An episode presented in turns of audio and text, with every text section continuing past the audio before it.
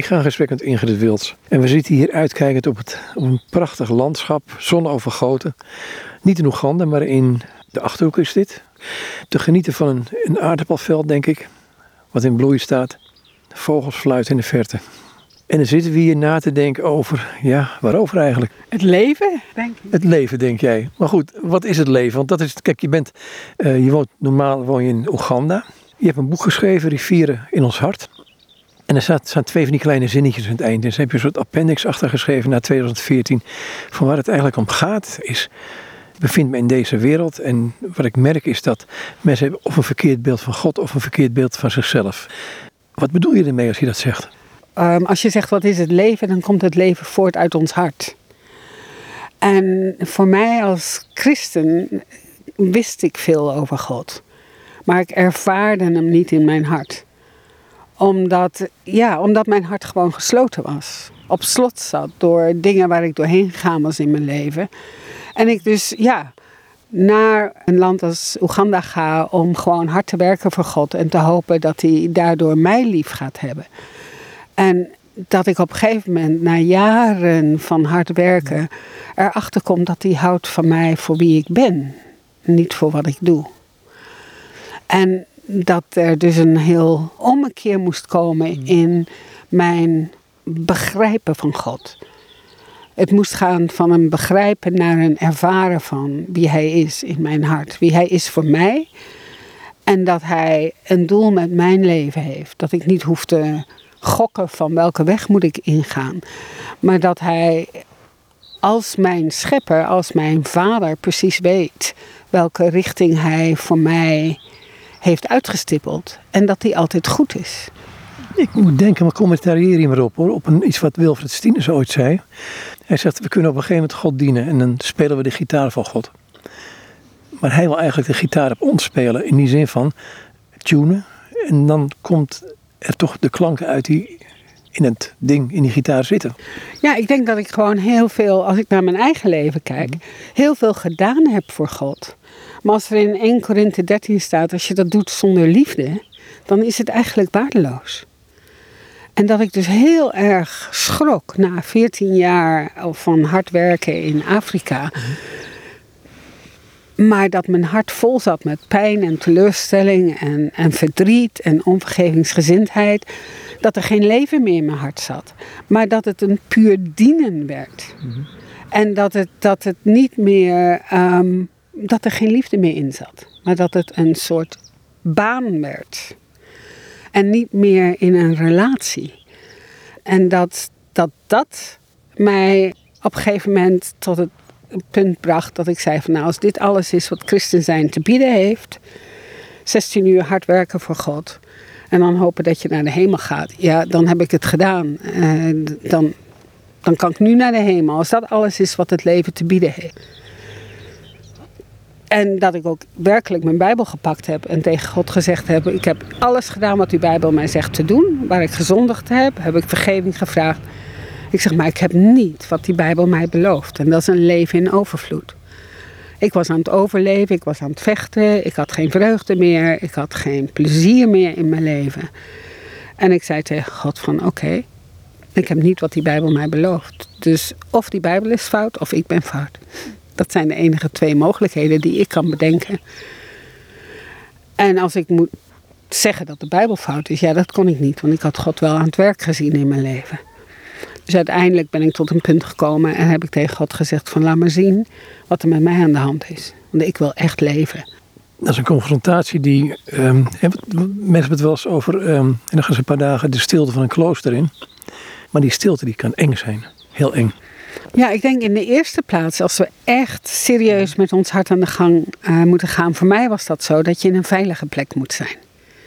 En in mijn reis kwam ik terecht op een school in Canada. En mensen zeiden dat is zo'n veilige plek. En dat was de plek waar ik mijn hart durfde openen. En daar ben ik vier weken geweest en het was niet echt stilte. Maar ik had die vier weken nodig om te huilen om al die pijn en al die uh, verdriet en al die trauma waar ik doorheen gegaan was in de 14 jaar, om dat eruit te laten komen, zodat er in mijn hart ruimte kwam voor de liefde van God. mijn hart zat gewoon vol met negatieve dingen. En toen ik in die veilige plek kwam, ik mijn hart durfde openen en ik ja, nachten gehuild heb. En dat, de, ja, dat dat eigenlijk mijn hart verzachtte.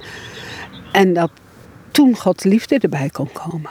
Want ja, ik leefde gewoon beschermd in mijn hart. Ik kon mensen niet meer vertrouwen, ik kon God niet meer vertrouwen. Ik kon mezelf niet meer vertrouwen.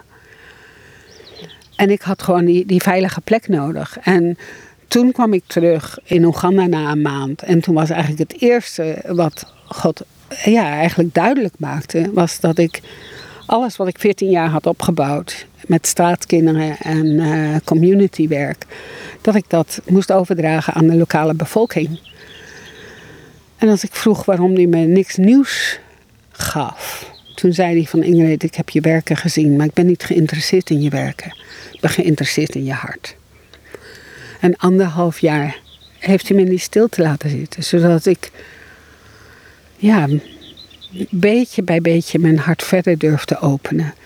En zijn liefde toe te laten. En het licht van zijn liefde ging schijnen op mijn eigen duisternis. Want licht is sterker dan duisternis. Je zegt durf. Um, zat er angst dan?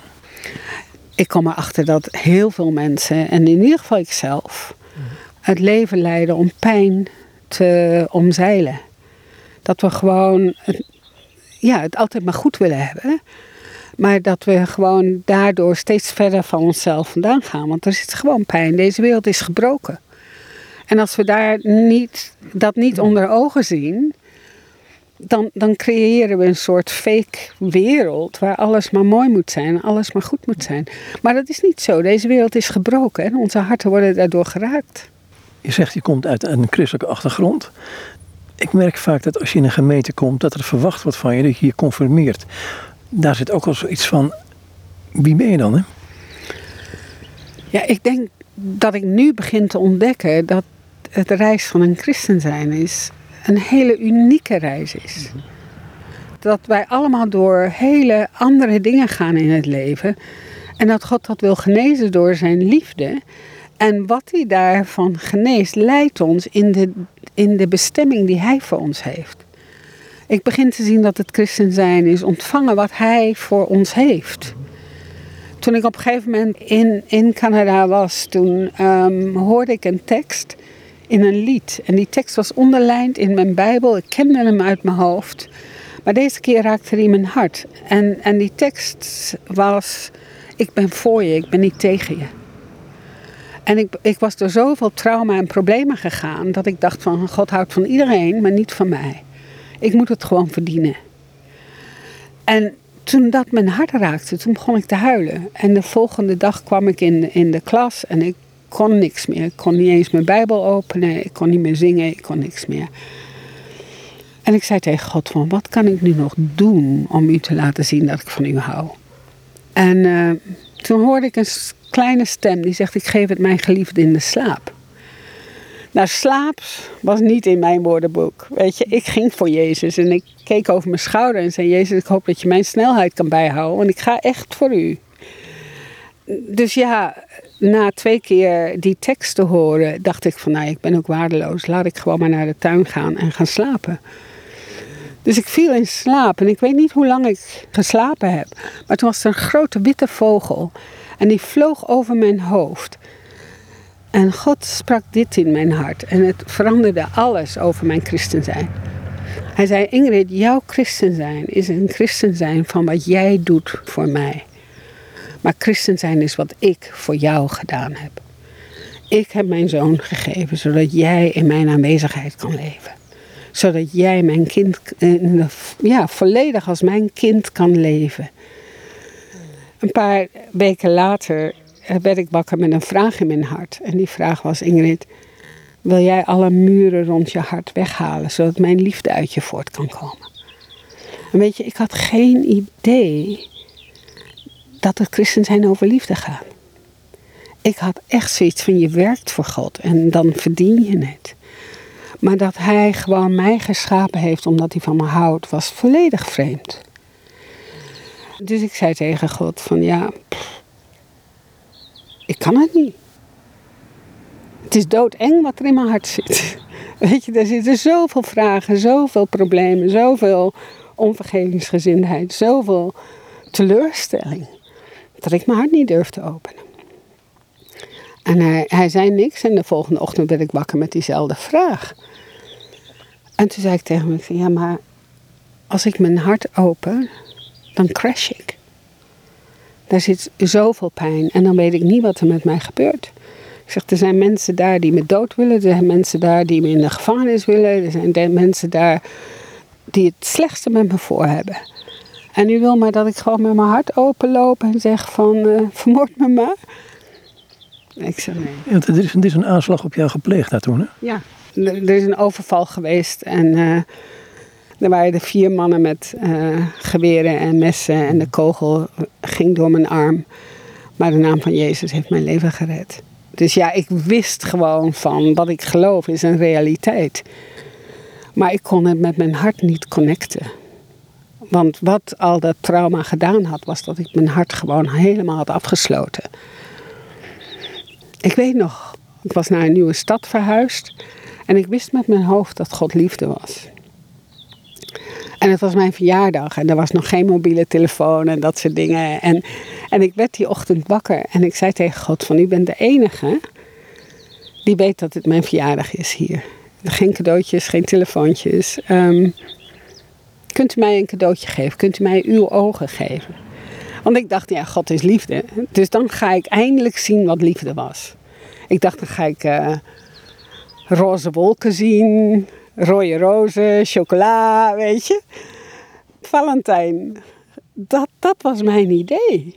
En uh, ik rij naar mijn werk die dag. En aan het eind van uh, een brug zie ik een prachtig moslimmeisje. Hoofd bedekt. En ik kijk naar die mooie bruine ogen. En er is een pijn die in mijn hart komt. En ik denk van als niemand dit meisje de waarheid vertelt, dan mist ze haar bestemming. En ik reed door en ik zag de straatkinderen waar ik mee werkte op de afvalbelt. En ik keek naar ze en opeens kwam die golf van compassie over mijn hart. Nou, en ik werkte met ze, kom op, weet je, pak jezelf aan. Ja, ik, ik ken je uit die tijd als nogal, um, je wist wat je wilde. Je moest een sterke vrouw zijn om dat een beetje te kunnen overleven. En dit is precies het tegenovergestelde bijna. Ja, helemaal. Ja. Want die avond kwam ik thuis en toen zei ik tegen God van... En opeens realiseerde ik me dat er in spreuken staat... de ogen zijn de spiegel van het hart. En opeens realiseerde ik me dat ik om het hart van God gevraagd had. En toen zat ik op mijn bank en toen zei ik tegen God: Hoe is het mogelijk dat ik 14 jaar zendeling ben, u vertegenwoordig en uw hart is zo anders dan mijn hart? Ik kreeg daar gewoon geen antwoord over. Ik, ik kon die twee dingen ook niet bij elkaar brengen. Totdat die ochtend ik wakker werd met die vraag: van wil je die muur om je hart weghalen, zodat mijn liefde uit jou voort kan komen? dus op die tweede dag zei ik tegen God van nee, ik, ik durf dat niet aan. Uh, ik weet niet wat er met mij gaat gebeuren. Ik ga volledig crashen. En ik weet niet wie er dan voor me is. Dus ik zeg, ik kan het niet. En op de derde dag werd ik wakker met diezelfde vraag. En ja, ik ben iemand die graag gehoorzaam wil zijn. Maar dit was te moeilijk. Dus ik zei tegen God van ja, ik wil wel. Maar het is te moeilijk. En het moment dat ik zei, ik wil wel, zei God iets wat alles over mijn christen zijn veranderde. Hij zei, Ingrid, vanaf nu wil jij geloven dat mijn liefde sterker is dan al het kwaad. En ik zei tegen hem, maar ziet u dan geen aids, ziet u geen honger, geen oorlog, ziet u niet wat er gebeurt in Afrika? En hij zei, mijn liefde is sterker. En dat was het moment dat ik tegen hem zei van hier is mijn hart. Haal er maar uit. Wat, er in, wat, wat mij verhindert om te geloven dat uw liefde sterker is dan al het kwaad. En God begon me op een reis mee te nemen door mijn hart. En me te laten zien dat ik mijn identiteit gevonden had in wat ik deed. Maar dat hij zegt van weet je, je identiteit is wie je bent. Je bent mijn dochter. En ik ben de beste vader. En je hebt je leven lang als een geestelijk weeskind geleefd. Alsof je het allemaal zelf moest doen. Alsof je al je gevechten zelfs moest vechten.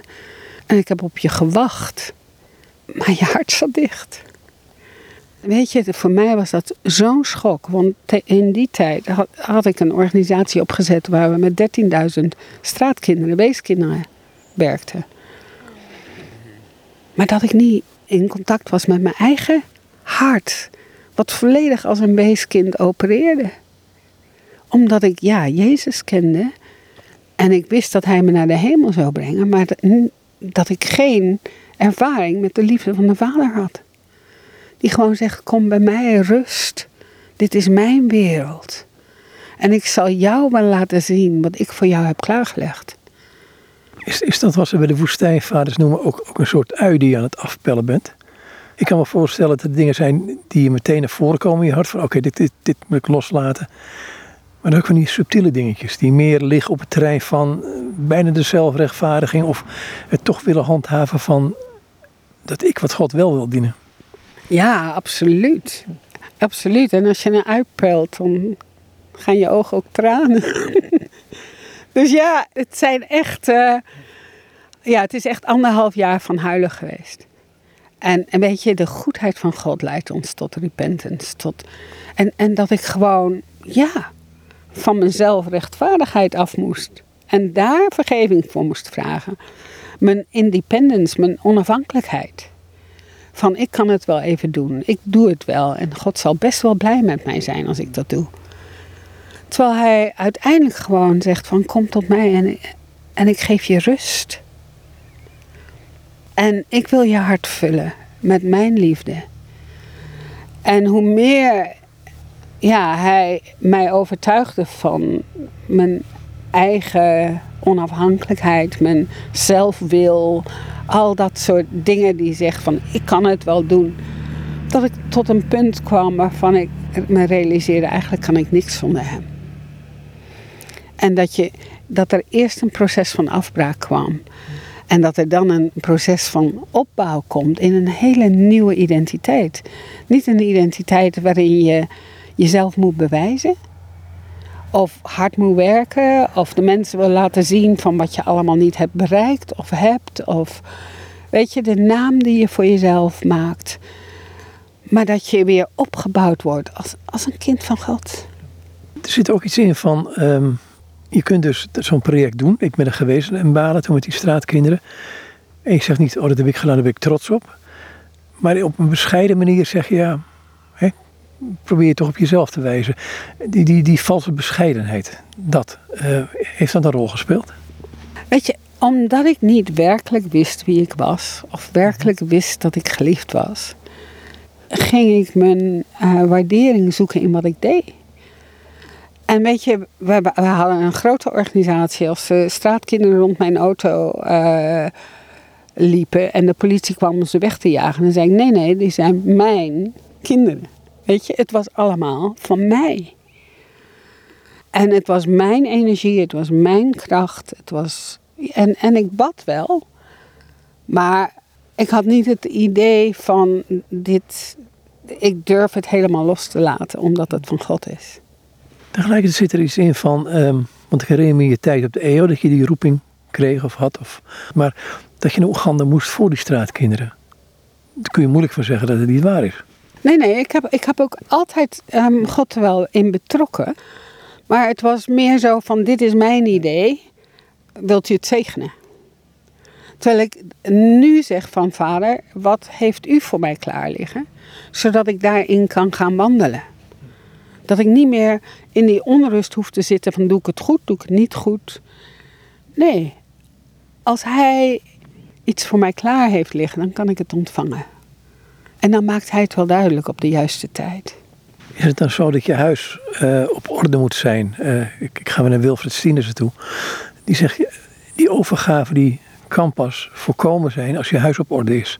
Ja, ik zou meer willen zeggen, zoals uh, ik geloof in 2 Petrus staat, van hij poort zijn, zijn geest, zijn liefde in ons hart. Mhm. Zodat we partakers worden, deelnemers worden van Gods natuur. Dat als we die liefde gaan ontvangen, want dat blijft een proces. Wanneer is je huis ooit op orde? Voor mij niet. Ik bedoel, er zijn zo iedere keer weer dingen die naar boven komen. Want we zijn opgegroeid in een gebroken wereld. En, en Gods koninkrijk is een, is een ander koninkrijk wat in ons hart komt. Dus het is een, een, een doorgaande reis, zeg maar. Maar het belangrijkste in die reis is dat we die waarheid geloven dat God zijn liefde echt in ons hart uitstort. En dat die liefde dan ook werkelijk ons verandert. Uh, doet ons meer op Jezus lijken. Zodat wij vanuit die liefde gaan opereren. Niet vanuit een duty, een werk, een job of vanuit een need to be needed. Hoe zeg je dat in het Nederlands? Ja, om nodig te zijn. Om, om, je wil gewaardeerd worden in wezen om wat je doet. Ja. ja, dat er gewoon een, een andere motivatie onder zit dan liefde. Is dat anders dan uh, wat een vriend van mij wel zegt? Af en toe heeft het paard een suikerklontje nodig? Het, het is een hele dunne lijn. Mm -hmm. Maar voor mij nu weet ik dat of ik nou een slaapje doe of dat ik duizend mensen tot bekering leid, ik ben gewoon geliefd. Wat ik doe beïnvloedt Gods liefde voor mij niet. En dat is een vrijheid. Ja. Dat is een vrijheid. Is het dan, even naar, naar je opvoeding toe. Het is vaak het, het moment dat mensen zeggen van... Um, het moet van je hoofd naar je hart gaan. Heeft dat plaatsgevonden of is het meer dan dat? Ik begin te zien dat het juist die andere, andersom is. Dat het van je hart naar je hoofd moet. Want het is in je hart dat de drie-eenheid leeft. Dat is waar de waarheid gesproken wordt. En als ons hart die waarheid gaat aannemen, dan gaat ons denken veranderen. Dan gaan we zien zoals Jezus ziet. Dan gaan we zien zoals de Vader ziet. Mm. Dan gaan we zijn woorden spreken. Want zijn liefde wordt in ons hart uitgestort, niet in ons hoofd. Dus ja, we zeggen vaak van het moet van het hoofd naar het hart. Maar ik begin te zien dat het andersom is. Dat als ons hart verandert, ons denken gaat veranderen. En voor mij, ja, ik kende alle Bijbelteksten. Ik, ik, ik bad alle gebeden. Maar het was allemaal hoofd. Het was allemaal kennis. Omdat mijn hart op slot zat. En ik begin te zien dat een ervaring naar het hart gaat. En kennis gaat naar het hoofd. Maar als je dus door eh, ja, heel veel toestanden in, in je leven gaat, dan gaat je hart dicht zitten. En dan, dan is het christen zijn niet anders als kennis. Maar dan is het geen ervaring. Wat doe je? Hey, je bent begonnen met het kinderwerk daar in, uh, in Balen. Groot project. Ik ben er toen geweest toen het, het huis gemaakt werd. Um, waar je heel druk om maken omdat uh, wat elektriciens de stopcontacten op de plint wilden zetten. En niet op, op de handige hoogte waar jij de stekker in stopcontact kan doen. Weet je, dat soort van simpele dingen. Alhoewel, in Nederland zie je dat ook wel. Maar dat, en je, je zat er bovenop, zat je in wezen. Dat had je anders niet kunnen doen, denk ik. Ja, ja, dat denk ik ook. Maar nu heb ik zoiets van, hoe belangrijk is het? Waar een stopcontact zit. Nou, ik denk dat het praktisch belangrijk is. Even goed daar. Nou, laat ik het anders zeggen. Um, ken je wat langer? En we reden hier naartoe, in, in, in, op de, in de Achterhoek. Ja, dan heb ik soms, ik zit nog steeds naast de oude Ingrid, in die zin. Want jij bent nog steeds wie je bent. Dus er zijn elementen waarvan ik denk als jij niet zo geweest was, dan was dat project nooit van de grond gekomen. En misschien in ommekeer wat je nu in Ginja doet, mag je ook vertellen wat je daar doet? Ook niet. Nee, dat, dat is waar. Het, het enige verschil, denk ik, is dat ik een, visionair ben. Dat ik gewoon graag um, dingen zie gebeuren en, en voor elkaar wil maken. Maar dat ik me ook realiseer nu dat in Jezaja staat dat Gods plannen hoger zijn dan mijn plannen. En dat ik gewoon aan het eind van mijn plannen kwam. Of mijn energie, mijn kracht, mijn ideeën. En toen die liefde erin kwam, in mijn hart, en ik mijn hart durfde openen, dat ik op een gegeven moment zijn dromen ga dromen. En die zijn groter dan mijn eigen dromen. En dat het dus een loslaten is van mijn, mijn kunnen, mijn willen, mijn, en gewoon zeggen van hier ben ik. Wat heeft u voor mij? Want ik wil in mijn bestemming lopen die u voor mij heeft. Ik, ik had het allemaal gedaan. Ik, ik had een organisatie opgezet, ik heb gebeden, ge, geëvangeliseerd, nou, noem het maar. Maar ik had geen leven meer. En je zegt, je bent visionair, je werkt daar in um, Oeganda, in Jinja. Ik zit hier te kijken naar een, een boerenland. Um, bij ons gemeente is een boer, die heeft een aantal koeien. Wat kan die hiermee als hij dit hoort? Nou, laat ik je een voorbeeld, een, een, voorbeeld geven van een boer in Oeganda. Die op een van onze eh, seminars was. En ehm, hij ging ontdekken dat Jezus is gekomen om ons alles terug te geven. Wat Adam en Eva in de zondeval aan de vijand van God gegeven hebben. Dus hij ging Genesis weer lezen. En zei: Wat is er van mij gestolen als boer? Bij wijze van spreken. En hij zag dat Adam uh, heerschappij had over zijn livestock, over zijn dieren. Dus hij is zijn koeien gaan zegenen. En is gewoon gaan zeggen van, word weer zoals God je bedoeld heeft. En zes maanden later stuurde hij ons een tekst en zegt, sinds ik mijn koeien aan het zegenen ben, geven ze het dubbele aantal liters melk. En ik heb al mijn rekeningen betaald, ik heb geen schulden meer en ik heb het schoolgeld van mijn kinderen betaald. Dus je staat ook anders in relatie tot de schepping. Ja, helemaal. Want het is alles behoort aan God toe. De koeien, de aardappels. en er is een verbinding met alles. En als wij in verbinding staan met Hem en Hij zegt van zegen je koeien, dan kan daar alleen maar iets goeds uitkomen. Was laatst met iemand in gesprek met John Zizioulas. Nou, dat is een orthodoxe priester, was dat is overleden in februari. Die zei dat we zijn eigenlijk een soort, bijna een soort priesters voor de schepping. Ja, nou ja, in Romeinen 8 staat de hele schepping zucht en wacht op het openbaar worden van de kinderen van God.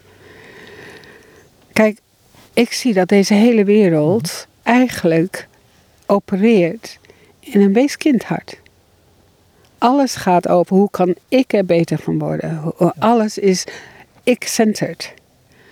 En dat was mijn project ten diepste ook. Ja, ik heb heel veel kinderen kunnen helpen, maar de verborgen motief was: ik voel goed. Ik voel me goed als mensen mij waarderen. Dat heb ik nodig. Omdat ik niet wist dat God 100% van mij houdt en dat hij mij geschapen heeft omdat hij van me houdt. Dat hij me geschapen heeft omdat hij een relatie met me wil. Dus dat, dat hele proces van het loslaten van die weeskind gedachte van ik moet het doen, ik moet de controle houden, ik moet zorgen dat alles werkt. Dat is gewoon een heel lang proces om dat los te laten en te zeggen van nee, een klein kind vertrouwt zijn vader. En dat daar de hele schepping op wacht. Want wij zijn maar gewoon gelimiteerd. Begint te zien dat alles, de schepping, maar zeker ieder mens en ieder dier, schreeuwt om liefde. Weet je, ik begin te zien dat het evangelie over liefde gaat. En dat liefde geneest, dat liefde herstelt, dat liefde, ja, God is liefde. En dat wij alleen maar kunnen liefhebben omdat Hij ons eerst heeft liefgehad. Maar deze wereld is zo gebroken dat heel veel van ons ons hart gewoon gesloten hebben. En dat we die liefde niet kunnen ontvangen, omdat we onszelf beschermen voor pijn. En dat daar het geheim zit. Ik heb 14 jaar lang hard gewerkt voor God, maar ik kon zijn liefde niet ontvangen. En op een gegeven moment hield mijn liefde op, omdat ik gewoon niet tegen deze gebroken wereld kan vechten. Maar dat als ik begin te ontvangen van zijn liefde, dat ik dan ook Gods karakter ontvang. En dat die liefde dan mijn hart gaat veranderen en dat ik langzaam ga zien wat God ziet. Nou hoor ik dit en ik denk, ja, um, ik herken hier wel eens in, alleen ik, ik kan hier niet bij. Um, hoe stel je je hart open voor God? Want het is zo makkelijker gezegd dan gedaan soms. Ja, ook hier denk ik dat het gewoon weer voor ieder anders is. Maar ten diepste denk ik dat een van de sleutels is zwak durven zijn. En gewoon durven toegeven van ik weet het niet, ik kan het niet, dus doet u het maar. Want de Bijbel zegt ik kan niks zonder Christus die mij de kracht geeft. Dus ook al je eigen hart openen kan soms al niet. Maar als we gewoon uitspreken van ik weet niet hoe ik dit moet doen, dan komt hij erin.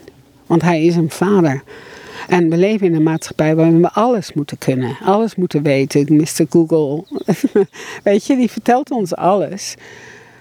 Maar het geheim voor mij is op een punt te komen dat ik zeg van nou ja, ik weet het niet, maar u weet het. Dat is een van de dingen die in deze maatschappij ook leeft. En daar zul je ook mee te maken hebben gehad, of nog mee te maken hebben in Jinja. Um, even een, een, klein voorverhaaltje. Um, er is een boekje verschenen van een uh, Koreaans-Duitse filosoof, Ban heette die, meen ik. En het gaat over die palliatief gesellschaft. Ofwel, we leven in een maatschappij waar alles gesedeerd moet worden. We moeten vooral geen pijn hebben, geen lijden. Dat aspect van het lijden niet um, onder ogen durven zien. Ja, maar je kan het lijden ook niet onder ogen zien als je niet weet dat liefde sterker is. Dat, ik moest dat voor mezelf horen. Want liefde is sterker. Want anders dan bescherm je je. Want niemand wil pijn voelen. En pijn is een, is, is een negatief iets. Maar als we die liefde onze pijn laten omarmen en het uit ons hart laten halen, want Jezus is voor onze pijn gestorven. We hoeven er niet mee rond te lopen. Maar wat we doen is, omdat we het niet willen voelen, beschermen we het en houden we het in. En dat beïnvloedt ook de manier waarop we denken.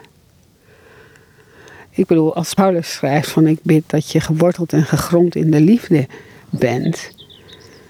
Nou, dan laat het wel zien dat heel veel van ons geworteld en gegrond in pijn zijn. Omdat we geboren zijn in een gebroken wereld. En dat er dus transformatie of verandering noodzakelijk is om geworteld te raken in het hart van God. Je gebruikt het woordje liefde nogal vaak. Wat, wat is liefde? Ja, 1 Korinthe 13. Um, geduldig, vriendelijk, niet gauw boos.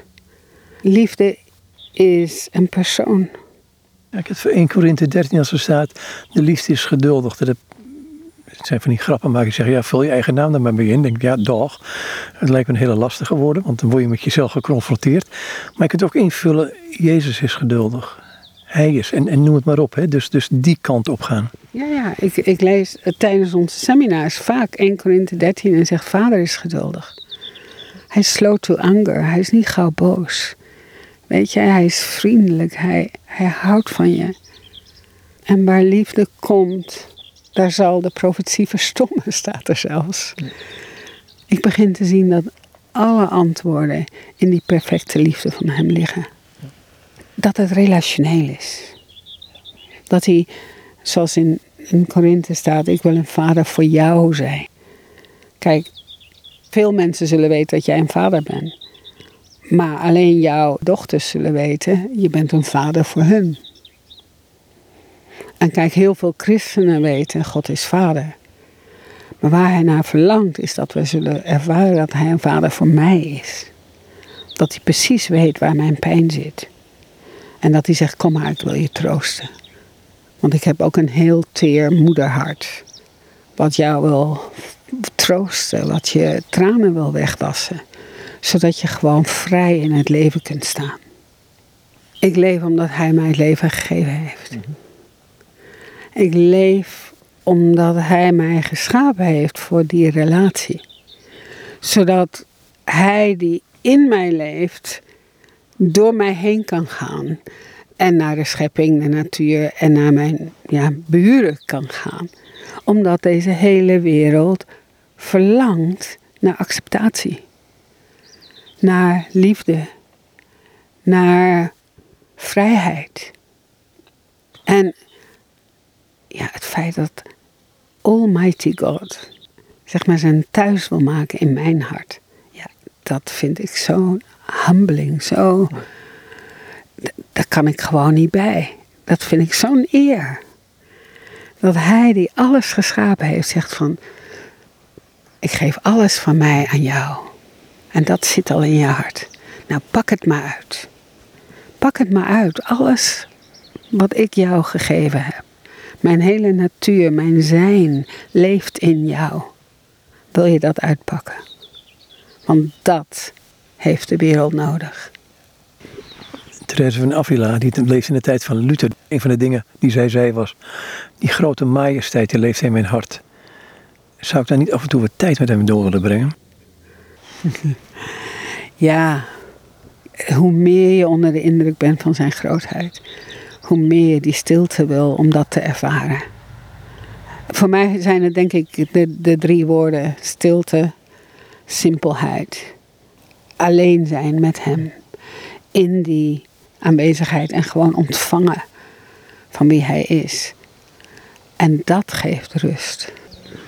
Nou leven we hier in de maatschappij, ik weet niet hoe het in Oeganda is, uh, van druk, druk, druk. Um, de stilte, um, stilte kan heel bedreigend zijn voor jezelf. Plus het feit dat je in een drukke maatschappij leeft, dus je kunt het lekker wegdrukken allemaal. En je kunt heel erg actief zijn. Zelfs in een gemeente of in de kerk kun je actief zijn um, daarbij. Dat soort dingen. Hoe word je dan toch, want je moet bijna tijd creëren voor jezelf om stil te kunnen zijn.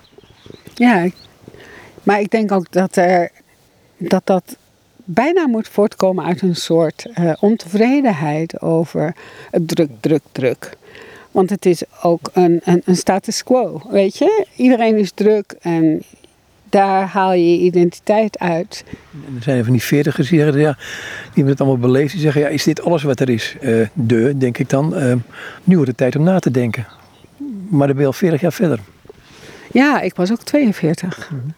Weet je, dat is wel een fase van het leven. Ik, ik hoorde um, uh, Richard Rohr zeggen van heel veel mensen geloven dat het leven is een, een naam maken voor jezelf. Mhm. Maar het leven is ontdekken de naam die je altijd gehad hebt. En hij zegt, ja, vaak in de eerste gedeelte van je leven ben je heel druk bezig om die naam voor jezelf te maken. En daarna komt er misschien gewoon een meer periode waarin je denkt van oké, is dit het nou allemaal? Heb ik het daar allemaal voor gedaan? En dat er dan misschien gewoon een fase komt waarin je zegt van oké, welke naam heb ik eigenlijk altijd gehad? Wie ben ik? Wie heeft God mij bedoeld? En zo ging dat in ieder geval bij mij wel. Dat je, dat je gewoon denkt van oké, is dit het nou allemaal? Weet je, is dit wat het leven te bieden heeft? En dat ik erachter kwam van nee, het gaat niet om wat ik doe. Het gaat erom van, van wie ik ben. En wie hij mij gemaakt heeft. En, en dat begin ik langzamerhand te ontdekken. En ik kan je niet zeggen dat er. Ik, er is gewoon geen grotere fulfillment um, om, te, om te lopen in je bestemming.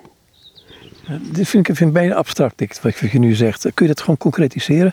Want um, of een Nederland een voorzet geven, heeft het te maken met wat ze in de middeleeuwen keken, werd gezegd van ja, eh, in je relatie met God um, kijkt hij je tevoorschijn. Moet ik die richting opdenken?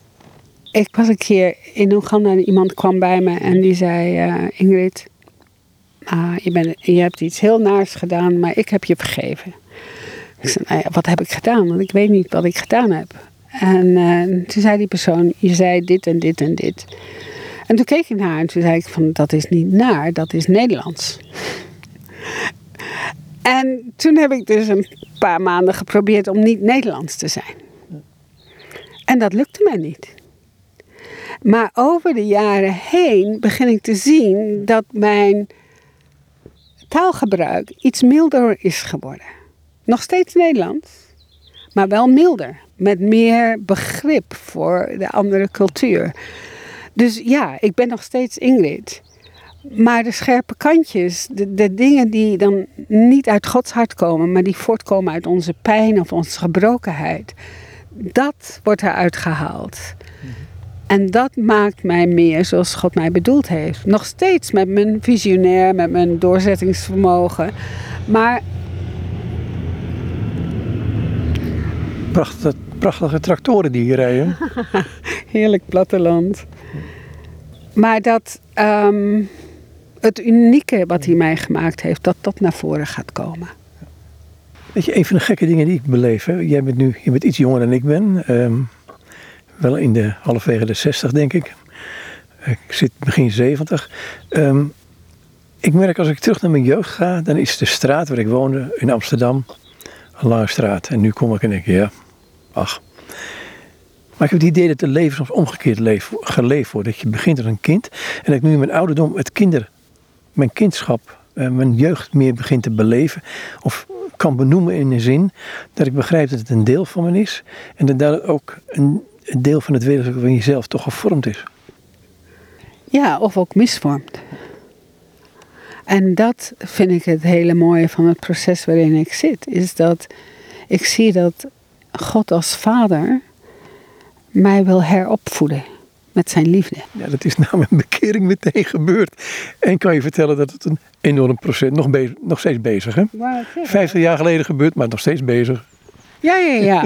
maar, maar dat je, ik bedoel, nou, een voorbeeld van mijn eigen leven. En dat laat gewoon zien van hoe goed God ons kent en hoe Hij betrokken wil zijn bij ons leven. Is dat, ehm, dat ik op een gegeven moment ehm, zo tegen mezelf aanliep. Dat ik om gebed vroeg um, bij ons voorganger in Nederland. En die, uh, alles wat hij hoorde was het woord pijn toen hij voor mij bad. En toen zei hij, kan je zeggen wat je pijn gedaan heeft in het leven? En toen noemde ik allerlei dingen van vals beschuldigd en zo. En toen zei hij van, nee, ik heb het gevoel dat er een dieper pijn is. Ik dacht, nou, ik zou het niet weten. Ik heb mijn beide ouders, ik ben goed opgevoed. ik zou het niet weten. Maar toen vroeg hij dus van, zou je God willen vragen om je te laten voelen, die pijn? Nou, niemand wil pijn voelen, maar ik wilde zo graag veranderen. Dus ik ben naar het strand gegaan. Ik heb een heel eind gelopen. En na anderhalf uur had ik eindelijk de moed. En zei ik van, nou, laat me zien of er pijn zit in mijn hart. En direct kwam er een blok op mijn hart, dat ik amper kon lopen. En toen heb ik weer om gebed gevraagd. En toen zei ze, nou, ze had het gevoel dat het in uh, relatie met mijn moeder was. Ik wist dat ik gewoon wel een goede relatie met haar had, maar geen hart-tot-hart relatie. Dat we elkaar niet echt kenden. En toen zei ik dat tegen mijn schoonzus. En die zei, een maand geleden vroeg ik aan je moeder of ze ooit een visioen gezien had in haar leven. En ik kom van een heel traditionele christelijke achtergrond. En toen had mijn moeder tegen haar gezegd, ja, één keer, vlak nadat Ingrid geboren was. Maar ik heb het nooit verteld aan iemand, zodat wanneer het gebeurt, ik kan zeggen, ik heb het altijd geweten. Toen dacht ik van, wow, dat klinkt als iets. Dus ik heb een afspraak gemaakt met mijn ouders. En uh, we zaten aan de koffie en ik zei, joh mam, ik hoor dat je een visioen had nadat ik geboren was. Toen raakte ze helemaal in paniek en toen keek ze naar mijn vader en zegt van, ja, maar dat kan ik Ingrid toch niet zeggen? En mijn vader, ja, de man die die was, 42 jaar geleden, was dat vergeten. Dus ik zei, nou, ik ga wel even naar het toilet, jullie overleggen. Maar als het iets over mijn leven is, dan wil ik dat graag weten. Ik ben nu volwassen. En toen zei mijn moeder, dat toen ze in verwachting was van mij, zij heel, eh, iedere dag voor mij bad. Toen ik nog in haar baarmoeder zat. En toen zegt ze, toen was ik bevallen en was ik heel erg moe van de bevalling. En toen hoorde ik een stem. En die zei dat ik je terug moest geven aan God. En zij spiritualiseerde het en zegt: Ik ben een Hanna die Samuel weggegeven heeft. Nu. Toen ze eenmaal zag dat ik op jonge leeftijd gewoon naar Afrika gegaan ben en nooit meer teruggekomen ben. Maar op dat moment dacht zij dat ik dood zou gaan. En ze heeft nooit eigenlijk haar hart opengezet voor mij. En God liet mij zien dat ik mijn hart sloot op het moment dat zij die stem hoorde. Dat ze mij eigenlijk liet vallen. En dat ik op dat moment ging geloven van ik ben helemaal alleen in deze wereld. Ik moet het zelf redden. En dat ik het zo mooi vind dat God gewoon alles gebruikt. De natuur, relaties, vrienden om, om die dingen die voor ons verborgen zijn en die ons verhinderen om te worden wie Hij ons gemaakt heeft, dat hij een heel proces klaar heeft liggen om gewoon ons te laten zien van hé, hey, daar is er iets met je gebeurd wat jij niet meer weet, maar ik kende je van voordat je in je moeders baarmoeder zat. Ik weet precies wat er met je gebeurd is in die tijd en ik wil dat genezen zodat je in die vrijheid en in die waarheid komt te staan. En er kan een gedachte zijn, oké, dan moet je terug naar je verleden gaan. Maar ik zie de mens, ik zie mezelf als een cumulatief wezen. Dus alles wat er gebeurd is, is nog steeds in je, op dit moment in je aanwezig. Dus daar kan God op dit moment, die buiten maar ook in de tijd staat, ehm, toch mee in de gang gaan. Ja, en hij wil ons zo diep meenemen als dat we zelf aandurven. Ja, het is niet alleen God die het doet, hij is, hij is in die relatie. En soms kunnen we zeggen van, nou, zo ben ik nu eenmaal. Dat is nu eenmaal mijn karakter. Ik ben nu eenmaal verlegen of dit.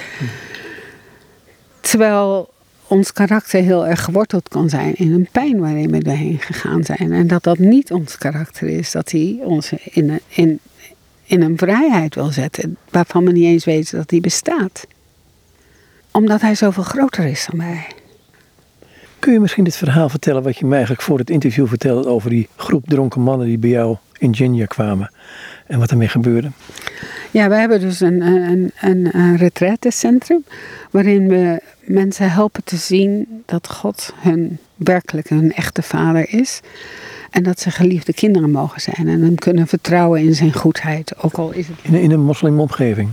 Er zijn moslims, maar er zijn ook gewoon uh, christenen of mensen die nergens in geloven. En dit was een groep van twintig vaders uit de armste en meest afgewezen stam van het land. En er was een organisatie die werkte met ze. En die vroegen of wij um, deze vaders wilden helpen meer betrokken te raken bij hun kinderen. Dus we zeiden ja, laten we maar proberen. Maar we wisten heel duidelijk dat je niet kan geven wat je niet ontvangen hebt. Weet je, als je zelf nooit liefde hebt ontvangen, nou, hoe kan je het dan geven? Dus we begonnen met, uh, en, ja, die mannen kwamen binnen en die waren 24 uur dronken, zeiden ze. We zouden de withdrawal symptoms kunnen krijgen. En ze kwamen uit de bus en een man had allemaal kras op zijn gezicht. Die had de nacht ervoor gevochten. En een andere kwam met een enorme dikke duim. En zijn vrouw had hem gebeten en dat was allemaal ontstoken. Denk ik, waarom komen die kerels bij jullie als ze zo bezig zijn? Ja, precies. Nou, dat was dus het verhaal van de organisatie die graag wilde dat die mannen zouden veranderen en meer interesse in hun kinderen gingen tonen. Dus we deden de eerste sessie en we hadden het erover dat deze wereld niet compleet is zonder hun. Dat ieder geschapen is voor een reden, voor liefde, voor relatie. En dat ieder mens belangrijk is. Dat het niet afhangt van welke stam je bent, of welke kleur je hebt, of hoeveel onderwijs je hebt gehad, of hoeveel geld je hebt. Dat we allemaal uit het hart van God voortkomen als zijn kinderen. En toen gingen we, uh, ja, na de, de les baden we vaders liefde over uh, over al deze mannen. En in het midden van die sessie springt er een man op. En die zegt, ik heb Jezus nodig. En ik zeg tegen hem van, maar waarom heb jij Jezus nodig? Je bent een moslim. En toen zei hij, ja, ik heb me nog nooit zo geliefd en geaccepteerd gevoeld als op dit moment. En hij gaf zijn leven aan, aan, Jezus. En na, na het weekend waren er acht mannen die hun leven aan Jezus hebben gegeven. Gewoon puur omdat ze in aanraking kwamen met liefde.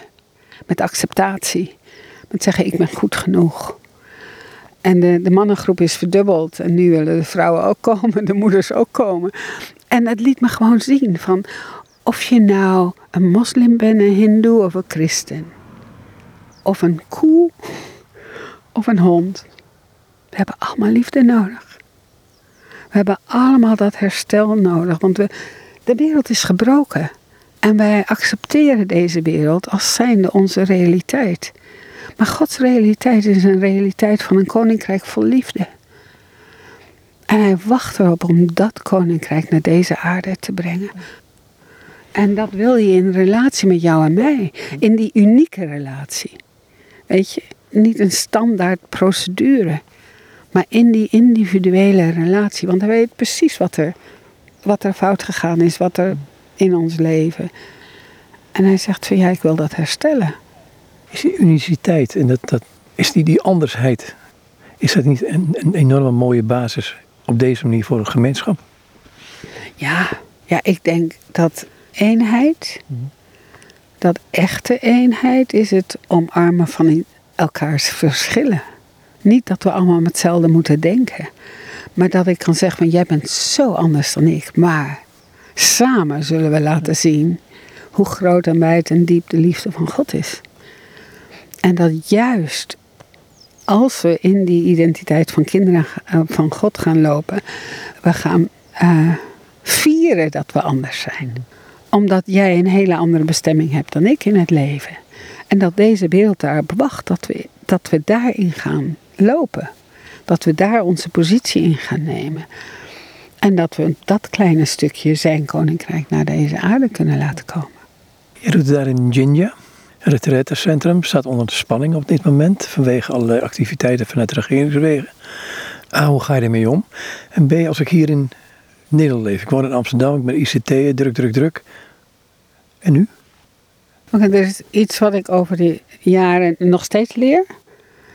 Maar ook steeds gemakkelijker wordt door te denken van als ik onder stress ga staan of als ik het gevoel heb van ik moet het doen, dat ik weer een stapje terug neem en zeg van vader, hier ben ik, wilt u het door mij heen doen?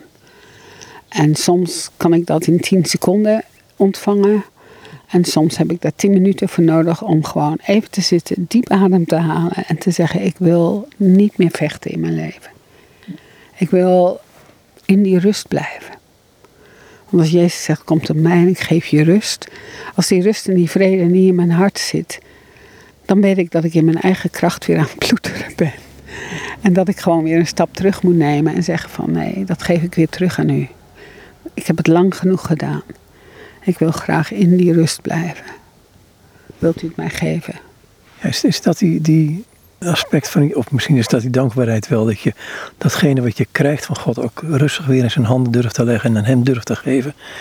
En er verder maar doorgaat met leven? Ja, dat je eigenlijk ten diepste weet, alles komt van hem. Zelfs de lucht die ik inadem, komt van hem. En dat je weet van nou, in hem leef ik, beweeg ik en ben ik. Ja, dat geeft dankbaarheid. En denk ik, we zijn een gegeven. We denken wel dat we onszelf gemaakt hebben, dat we het zelf allemaal kunnen plooien. Maar we zijn een gegeven. Zelf onze identiteit in Christus is volledig een gegeven. Daar kunnen we weinig aan doen. Ja, accepteren als enige. Ja, de laatste weken, doordat je in een land woont waar er heel veel geweld is en heel veel corruptie, ben ik heel erg aan het nadenken van over wat de Bijbel zegt. Van we kunnen onze buren alleen maar lief hebben naar de mate dat we onszelf lief hebben. En dat we onszelf accepteren. En ja, onze natuurlijke mind kijkt naar alles wat niet goed met ons is. Maar een vader kijkt naar ons en zegt: Je bent mijn kind. Weet je, ik hou van je. Ik weet hoe ik je gemaakt heb. En er is niets wat in mijn hart is dat jou afwijst. Maar wil je, dat wil je mijn liefde ontvangen, zodat je gewoon meer van jezelf gaat houden.